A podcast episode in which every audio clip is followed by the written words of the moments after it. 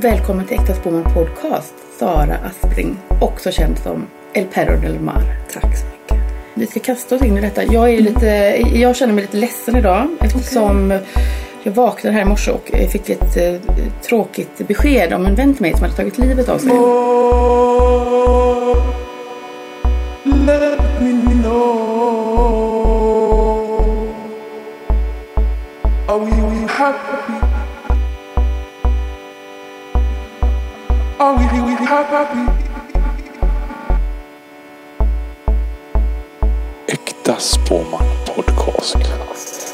presenteras av det magiska klädföretaget Elvine. Are we, we happy? Are we, we happy? Vi ska ha ett allvarligt samtal ändå om eh, spirituella saker. Man vet ju inte så mycket om det egentligen. Alltså, du är ju väldigt hemlighetsfull. Det är ju mystiskt. Ja. Ja. Eh, jag tycker väl kanske att min musik ska liksom, eller har fått föra min talan. Men jag tror egentligen inte att jag medvetet är hemlighetsfull egentligen kanske. Nej, men jag tänker att man, Ja. om jag tänker på det, fast jag har ju också en annan relation till dig som vi har gått på gymnasiet samtidigt. Fast då kände ju inte vi varandra. Men, Nej. men du har alltid funnits i mitt, i mitt medvetande. Eh, men då tyckte jag också att du verkade ha mycket integritet och eh, eller jag tänker att du har någon slags eh, magisk eh, är omkring dig. Ja. Ja. Men eh, har du något förhållande till magi? Väldigt lite faktiskt, ska jag säga. Men jag tänkte på din eh, dina musikvideos som du har gjort tillsammans med, vad heter hon? Nicole Walker. Precis, de är ganska, det finns ju lite magiska inslag eller ja, lite det undermedvetna. Eh, Väldigt drömskt. Mm, absolut. Nej, men jag har nog en, eh, en önskan om tror jag. Men dras hela tiden tillbaks till liksom jorden igen. Eh, och sen så tror jag att det kan ha att göra med att jag eh, har varit med om mycket just när det kommer till så här död och så. Så har jag varit med om väldigt mycket eh, dödsfall i min familj och sådär. Som har gjort att jag eh, tror jag har på något sätt eh, lagt något slags lock på för att skydda mig själv, tror jag. Eller tänkt också att jag är väldigt matter of fact med livet på något vis. Fast jag önskar nog ibland, jag har tillfällen ibland, jag har en del vänner som sysslar mycket med spirituella saker och sådär. Och då är jag väldigt sådär, känner jag att jag Får jag vara med lite kanske? Sådär, för att jag har ett, liksom, ett litet hopp om att Skulle du vilja ha kontakt med någon som har dött? Oh ja! Ja. Oh ja! Så, men du har inte gått på någon sån Nej, seans eller något Nej, sånt där? jag har inte gjort det. Jag var nära några, har varit nära några gånger. Eh, men då har jag... eh,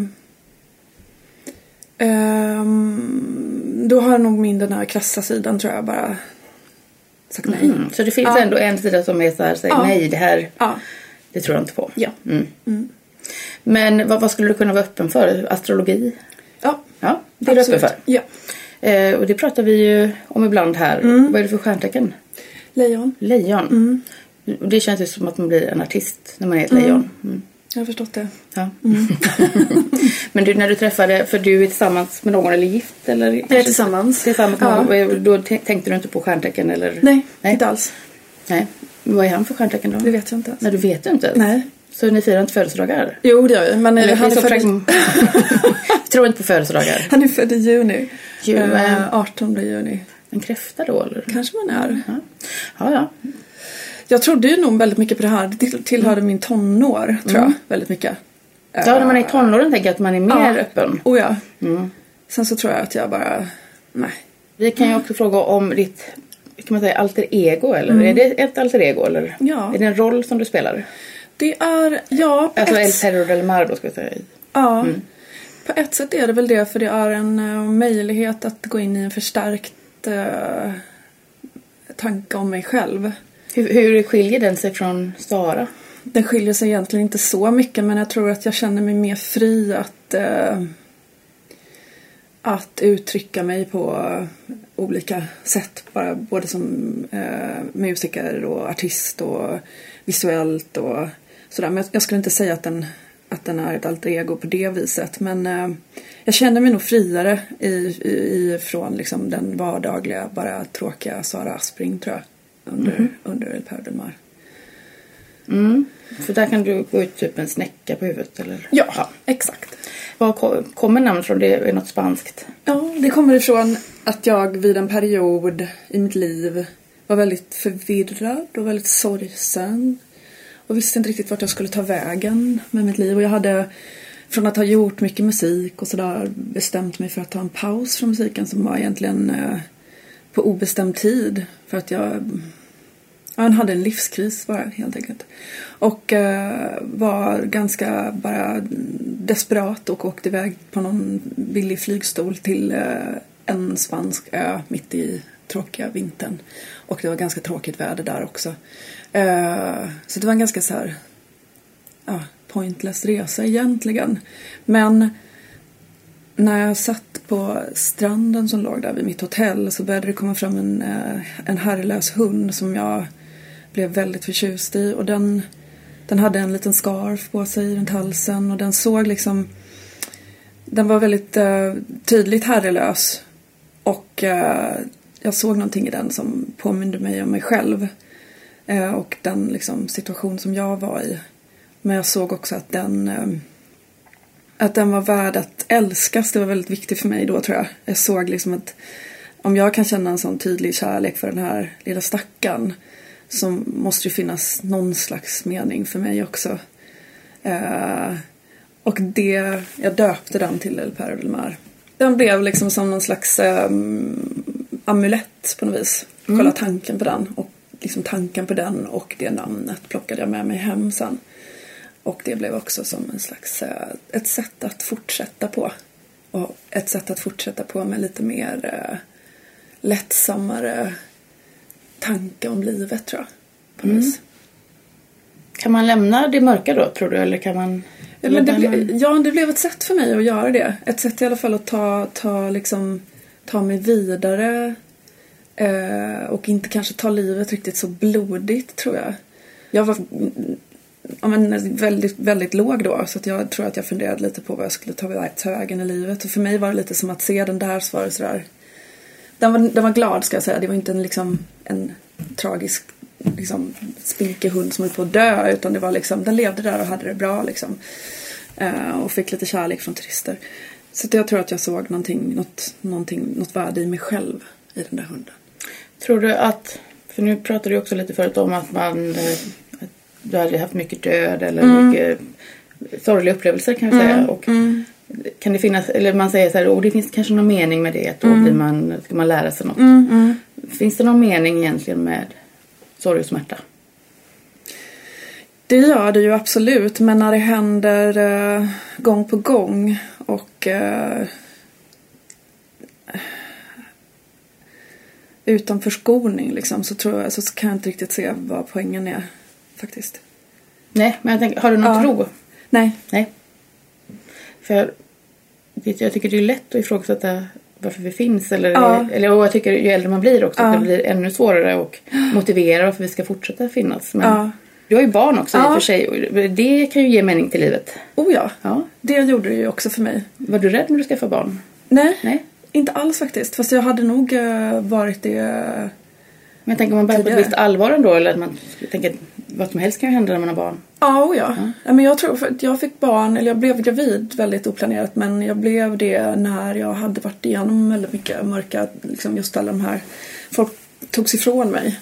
Så att plötsligt känna att jag eh, skulle, att, någon, att det skulle komma ett, liksom, någonting till mig istället för att tas någonting ifrån så kändes det som en, en stor gåva som jag var totalt bara öppen inför och hade ingen skräck inför det alls. Ska vi säga att det var en magisk gåva?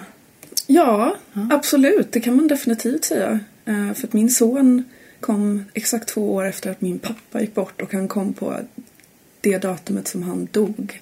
Och det var det beräknade datumet och det är tydligen extremt ovanligt. Och där kunde jag definitivt känna att hmm, det måste finnas någonting som... Det är som vi säger ett typiskt magiskt tecken. Ja, Ja. Men ska vi titta i det? För man får dra tre kort. Och eh, det första kortet är det förflutna. Sen tittar vi nu ut och senare i framtiden. ja. Det första kortet är prästinnan. Och det här är ju ditt förflutna. Mm. Och det kan ju handla om en, någon som har eh, visdom eller fått vis, vishet genom livet. Men jag tänker att prästinnan också ger, hjälper andra människor att ta sig igenom perioder av sitt liv. Kanske utan att förkunna något som en präst gör. För det finns en präst också i kortleken. Ja. Hade du någon sån person i ditt liv när du var barn eller när du var ung? En får det vara en man? Ja det kan det absolut vara. det finns ingen... Nej. De är...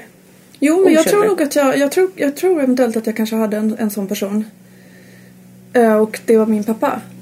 Tror jag. Ja, man kan säga att det är som en andlig väg. Eh, ja, lite grann faktiskt. Ja. Hur var din pappa då? Han var en väldigt komplicerad person. Ja. Otroligt komplicerad person. Som jag hade en, ett väldigt komplicerat eh, förhållande till. Men han... Eh, vi stod varandra oerhört nära på ett sätt som jag nog tror att vi aldrig riktigt förstod. Var han också musiker eller? Nej, det var han inte alls egentligen. Men han älskade musik och tror jag var djupt olycklig över att han inte valde att, att syssla med musik. Men han spelade instrument och... Nej, men han lyssnade väldigt Okej, mycket på Så han musik. introducerade dig ändå för Ja. musik? Mm. Men eh, och du har syskon också? Ja, jag hade en bror. Du hade en bror? Och, och han har också gått bort? Mm. Men jag tänker att musiken fanns väldigt tidigt i ditt Mm. liv. Jo men det gjorde den absolut. Från allra första början eh, gjorde den det. Helt klart. Och eh, satt och spenderade mm, många fredagskvällar med min pappa som spelade musik för mig och berättade om saker och gav mig liksom föreläsningar eller lektioner om olika mm, artister och genrer och musikhistoria. Sådär. Men, eller får man fråga varför det var komplicerat? Han var en väldigt komplicerad och härjad person mentalt. Sådär. Han var mm, låst. Han var nog en ganska klassisk eh, 40-talist-människa tror jag, eller man tror jag. Som eh, trodde på eh, att eh, arbeta hårt och arbeta, låta arbetet gå före allt i alla lägen. Och eh, inte tänka så mycket på känslor och prata så mycket om känslor. Egentligen ville han nog det men han ja, stängde bort det ganska mycket. Men jag kände ganska tidigt att det fanns ett jätte, jättestort hjärta som bara bultade i honom. Redan som barn förstod jag det. Och mitt sätt att närma mig det var att lyssna på musik med honom. Var din bror också musikaliskt intresserad? Ja, eller? det var han. Eh, men min bror eh, har en speciell, väldigt speciell historia för att när, jag var, när han var 12 eh, och jag var åtta så råkade han ut för en eh, bilolycka, en ganska allvarlig bilolycka utanför sin skola. Eh, och han blev eh, väldigt eh, präglad av den olyckan. Så han var mentalt så hamnade han eh, några år efter hela tiden i sitt liv. Och hade en kraftig epilepsi som han kämpade med. Och, eh, så att vår familj blev väldigt präglad av den olyckan. Hur fick du plats i familjen då? Eller? Ja, jag tror kanske inte att jag gjorde det Nej. riktigt. Jag tror att jag blev en, eh, en person som backade och skötte mig själv ganska mycket. Och det har jag även fått höra sen efteråt att det var så. Fast jag tror inte att jag upplevde det så. Jag, tyckte, jag, jag tror bara jag anpassade mig som barn gör tror jag. Eh, Men jag var väldigt, jag blev, jag blev nog ganska sluten och mm, höll mig för mig själv och eh, tyckte att, i och för sig att det var rätt skönt. Tyckte om att göra det. Så att, eh, sådär. Men det var nog väldigt mycket så att jag hamnade i någon slags bakgrund. Helt klart. När dog din bror eller när skedde det? Ja, han dog ehm, 2008. Så då, då hade du ändå flyttat hemifrån? Ja, och- mm. precis. Och det var ju... Och två år senare dog min pappa. Men, eh, och båda de dödsfallen var väldigt eh, eh, chockartade. Det fanns ingenting som... Det kom bara plötsligt. Eh, och, eh, men det var en väldigt speciell... Det var väldigt speciellt när han, när han dog för... Jag tror att vi hade levt... Vår familj hade levt i en... Jag kallade det som att vi levt som autopiloter lite grann. Vi bara körde på. Det tror jag man gör ganska mycket när man har, eh, man lever med en, eh, en person som är som dels har varit nära döden och som överlever Och man, man, inte liksom, man genomgår en sorg tillsammans för att personen är så nära döden och sen eh, överlever personen och är handikappad. Och så måste man bara ta tag i det och man, man ser inte tillbaka och man eh, sörjer heller aldrig för att man har, man har bara nuet att ta sig an hela tiden och jag tror att mina föräldrar fungerade väldigt mycket så och jag också. Det var, väldigt speciell, det var väldigt speciellt när han gick bort. Eh, mina föräldrar, min mamma sa en väldigt konstig sak som jag då tyckte var helt det var som att hon sa sanningen men efteråt så kan det ha känts så konstigt men hon sa nu hände det som skulle ha hänt för ja, när det nu var liksom så antal, ett antal av de åren liksom när han åker ut för bilolyckan. Eh, och både jag och min pappa var sådär att vi höll med henne. Men det kan ju låta som en extremt cynisk och hjärtlös sak att säga men eh, jag tror att det var den jag tror att vi, vi kände nog att vi allihopa hade levt på lånad tid. Liksom. Mm. Pliktskyldighet tror jag har varit en ganska genomgående sak i min fa familj tror jag. Och den här konstnärliga att, att leva, leva för konsten har ju varit oerhört bara en omöjlig tanke i min släkt. Så att jag är nog den första att göra det. Och jag hann till och med göra det och verkligen få eh, bevisa det för min pappa framförallt. Där han liksom kunde ge mig eh, cred liksom för att jag hade valt och vågat göra det och inte lyssnat på honom kanske så mycket. Och sen ju äldre han blev strax innan han dog så blev han nog mer um, han mötte nog sig själv tror jag på ett sätt där han nästan liksom kunde på något sätt avslöja att han också hade valt fel. Att det var något som var fel liksom. Så att för mig var det en gigantisk, eh, om än liksom självisk på ett sätt såklart, men det, för mig var det en otrolig bekräftelse att få den från honom. Eh, att även om han inte sa det direkt sådär så var det ändå så att jag förstod att, att han liksom gav mig sin välsignelse på något vis. Alltså hans lediga tid, hans lediga tid gick ut på att läsa om uh, musiker som han älskade eller konstnärer som han älskade eller författare som han älskade och läsa om deras liv och resor. Han gjorde resor där han besökte olika författare och artister och sånt där som han älskade för att liksom inandas deras liv och så att jag, är, jag är ändå uppvuxen med någon slags förskönande bild av konstnär, den konstnärliga, liksom, det konstnärliga livsvalet någonstans. Medan det inte fanns för fem öre i min familj. Liksom. Vilket var väldigt eh, liksom, ja, tvetydigt hela tiden. Framförallt när jag, när jag skulle börja, som i gymnasiet till exempel, man skulle välja gymnasielinje och sådär. Att jag ville så gärna välja en konstnärlig estetisk väg liksom, men det var fullständigt uteslutet. Jag fick inte det. Det fick inte jag heller göra Nej. för mina föräldrar. Ja. Jag blev väldigt besviken. Ja. Och gick på något, vad gick man, samhälle eller något. Ja. Fruktansvärt. Ja, exakt. Men, men ehm, det här kortet tänker jag Ja. ändå, han, det kanske handlar jättemycket om dig. Alltså på, samma, på samma sätt som du säger att det handlar om din pappa. Men jag tänker att du, det du berättar och som jag tycker att jag känner är att du sitter här med någon form av kunskap som handlar om att acceptera på något Ja. sätt. Mm. Ja. Och vad ska man säga, ganska pragmatisk. Att man måste röra sig framåt. Att man inte kan stanna upp Ja. vid en kris eller Mm. Verkligen. Det är verkligen, skulle jag nog absolut säga att jag... tills den dagen du åkte till stranden då. Ja, precis.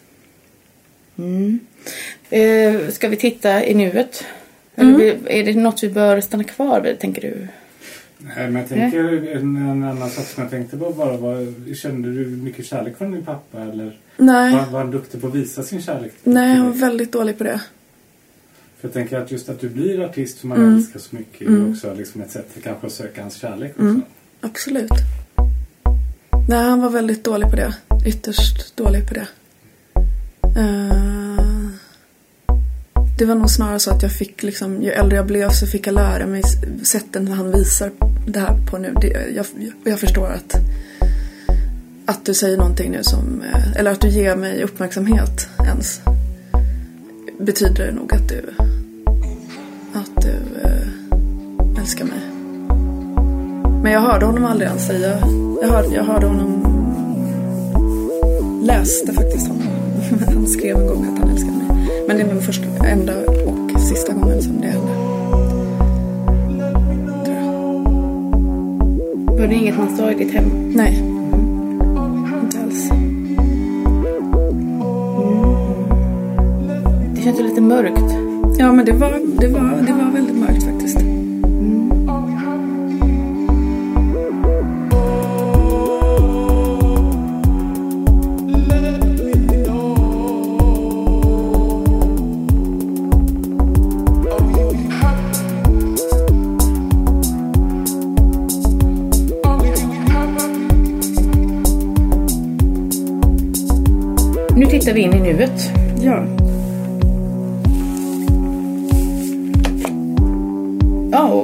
Jättespännande för kortet är eonen och det handlar ju om att man man kan säga att det är en eon i en tid.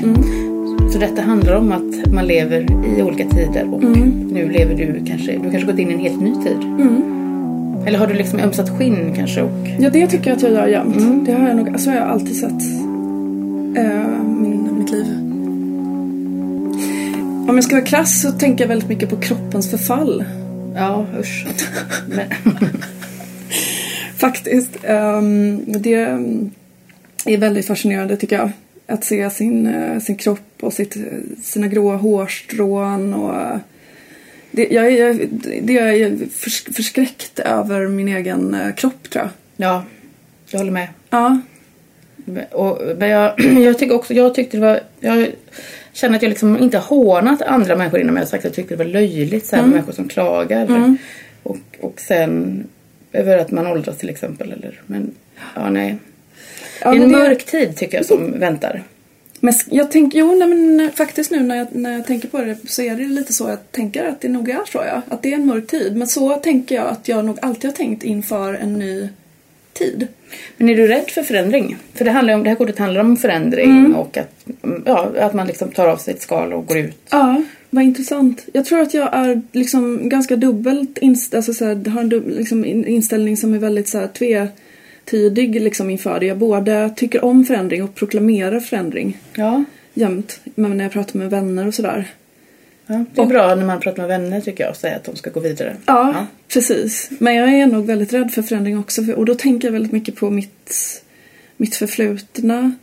Som var väldigt benhårt fast i att allt skulle vara som det alltid har varit. Till exempel i min familj och den konstellationen. Där var det, fanns det väldigt tydligt sådär att ingen förändring. Sådär.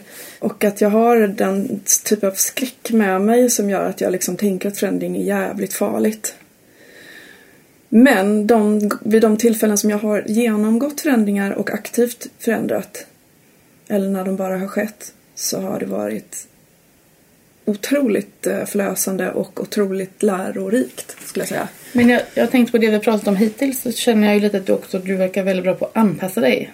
Eller ja, inte kämpa emot så mycket det som händer. Mm, nej men så är det nog. Nej men jag tror att jag är väldigt, jo men jag tror, jag, jag vet att jag är väldigt anpass, anpassningsbar. Jag, ehm, jag, jag tar det som det kommer för att jag tror inte att jag har något val. Men i, om vi nu ska titta på ditt nu då tänker jag jag blev förvånad för jag såg det i reklamfilm plötsligt på tv. Eller eh, inte här då men eh, eh, och då sjunger du en Carola-låt. Eh, och det känns ju som en det känns ju som en galen sak då nästan i ditt liv. Är det, var det det? Mm. Men var det spännande? Det var, det var väldigt spännande. Kanske inte att sjunga en Carola-låt var Nej. det är absolut min, Det är minst väldigt, spännande. jag tänker att du gör det väldigt bra också. Eller jag tänker att man ska inte säga så att det var, det, det var inte dåligt. Men, nej. men jag blev förvånad och tänkte oj, så här, att det var, kändes som att det var annorlunda från den här då människan med mycket, eller nu ska jag säga att det, det är inte är integritet men Nej. nej. Nej men där Men- tror jag man kommer till, tillbaks till det där med stolthet och så. För att jag erbjöds väldigt mycket pengar. Mm. Och Ja. jag fick frågan om jag skulle kunna tänka mig att stå på ett vindkraftverk mitt ute i havet, Precis. 80 meter upp i luften. De två faktorerna var liksom... Hell yeah, det där vill jag asgärna testa. Jag kommer förmodligen aldrig få den frågan igen. nej för det, men det är underbart att du står på det här vindkraftverket på riktigt också. Ja. och också fick pengar. Men det, jag tror hade jag fått frågan för eh, fem år sedan, tio år sedan så hade jag sagt nej utan att tveka. Ja. Men jag menar, men, men, man, man känner ändå att du behåller din estetik eller? Ja. det är inte som att du var tvungen att sjunga Nej, främ, eller var det Fångarna av stormen? Ja. Du behöver inte sjunga den i schlagertempo. nej, Nej. nej, nej precis. Jag fick göra min egen tolkning av den. Men det är en svår låt att tolka. Ja. Men eh, jag tyckte inte, jag ansåg inte att jag mm, hade särskilt mycket att förlora. Eh, Men jag blev också nyfiken, hade de bundit fast dig på något sätt på den? Jag, jag, Eller jag tänk om du hade ramlat ner menar jag. Mm, nej, Jag var fäst i en säkerhetslina. Mhm. Eh, så det var ju, och det var jag tvungen att vara. Det Så var hade du tvungen att stå där annars. några timmar då? Nej, inte några timmar Nej. men eh, fem minuter och det var fullt tillräckligt ska jag säga. Ja. För det, ja, det, det var... Kände, var du rädd? Var du nära döden? Eh, nej, jag kände inte att jag var nära döden för det var ett sånt totalt säkerhetstänk liksom, tänk kring hela den biten. Eh, men eh, det hände saker med min kropp. Alltså hela den här primalhjärnan som säger nej till höjder till exempel. Det här är, döds, det här är lika med dödsfara, gå ner eller lägg dig ner. Hela den biten satte igång och det har inte jag varit med om riktigt förut. Så att det är ett, ett eh, adrenalin, adrenalinpåslag utan dess lika som bara pumpade, pågick och pumpade och pumpade och pumpade. Och det var otroligt mäktigt. Faktiskt. Så att jag, jag kände efter det, fast jag var helt slut, fysiskt helt slut när jag väl åkte ner igen, så kände jag att det här måste jag göra mer. Alltså utsätta mig för den här typen av ehm, skräck. För jag gillar det, insåg jag. Vad tror du att du kommer göra då? Typ söka Robinson? Söka? Ja. Let's, framtiden, let's precis. dance. Vi kan titta in i framtiden och titta vad du ska göra. Ja, vad roligt. Oj. Jaha, men då har vi ganglöshet. I och för sig då så är ju detta ett kort med ett svärd som eh, sex stycken andra svärd attackerar. Eh, Det kanske, kanske blir att du blir debattör då om vi skulle tolka det nu vad du ska göra i framtiden som är lite farligt. Men eh, det är ju inte lika, det är mer spännande om du skulle börja öva bungee jump eller något sånt där. Mm. Så det kan vi inte riktigt säga något om. Men vi eh, var alltså vilka äventyrsgrejer du ska göra. Inte så ska det låta det där då.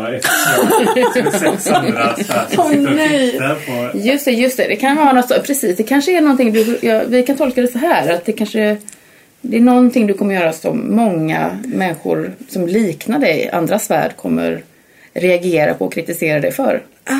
Men då måste du stå stark och säga vadå? Ja.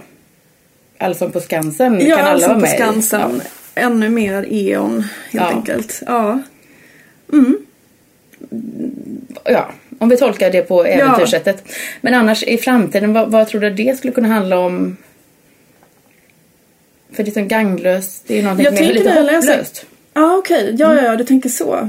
Eller Mm, ja, ja, det, precis. precis. Om man tänker så. Jag tänker genast äh, Nej, jag, då misstolkar jag ordet. Jag tänker så här att man inte har något att förlora men det är ju inte samma sak som ganglöshet. Nej, för jag kan också, jag tycker, jag, först har jag alltid tolkat detta kortet som att det är någonting som är hopplöst. Men jag Mm. Ja. tror att det är så här, det är hopplöst kanske att eh, ge sig på dig säger vi. Eller Ja. det är hopplöst att eh, kritisera eller Mm. att man kanske ska stå stark så här, i sin åsikt eller sin Mm. övertygelse. Och att ja, människor kan helt enkelt inte tycka något om det för det Nej. kommer inte ge dem någonting. Utan Just det. din åsikt och din ståndpunkt är färdig. Ja. Jag tror väldigt mycket på att, äh, att äh, göra.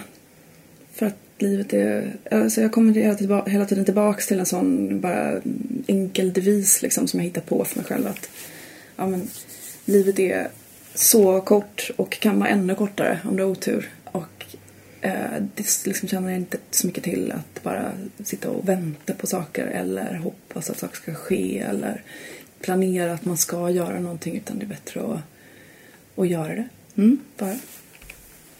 Och kanske inte vrida och vända på för och nackdelar så jävla så himla mycket. Jag tänker ändå att det känns som du hela tiden har liksom kontrollerat din egen resa. Mm.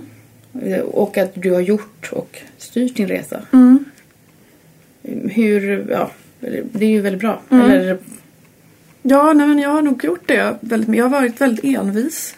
Mm, men har du haft någon idé tänker jag då, som du har ja mm, det har jag ju nog. föreställt dig? Ja, jag har föreställt mig någonting. Eh, och så har jag ehm, ibland varit extremt bångstyrig och envis och eh, skaffat mig mindre vänner och sådär. Av den anledningen och sådär. Men jo, men så är det. Helt klart. Och jag fortsätter att vara det. Mm. Så, men när man tittar på de här korten då, om vi skulle göra ett avslut, så Mm. tänker jag att de är ju olika varandra på något sätt. Ja. Men eh, du är på en resa tycker jag. Att vi lyssnar på eonen.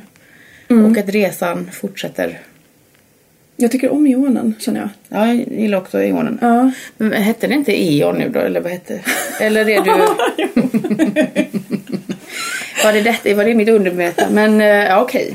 Eonen ska leda vägen. Säger vi. Ja. E.ON. Ja, det blir, det blir en podd med dem Håkan. Ja. Ja, Du är en ny sponsor lite på precis. Så vi ska Eonens resa ska den heta. ja. Nej, men vad, eh, man får också dra till kort i en annan kortlek här som är som ett slags kraftkort. Eh, och det här kan du ju bära med dig då på den här resan.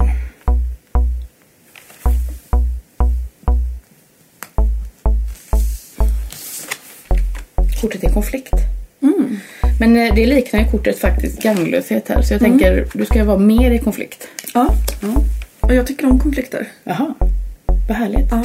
Jag är inte konflikträdd. Jag hamnar ofta i... i eh, jag gillar att ha eldiga samtal.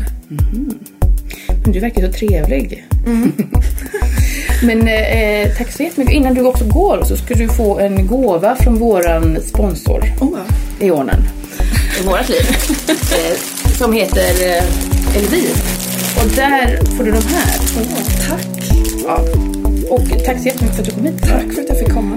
Vi Jätteroligt. ses i framtiden. Ja. Let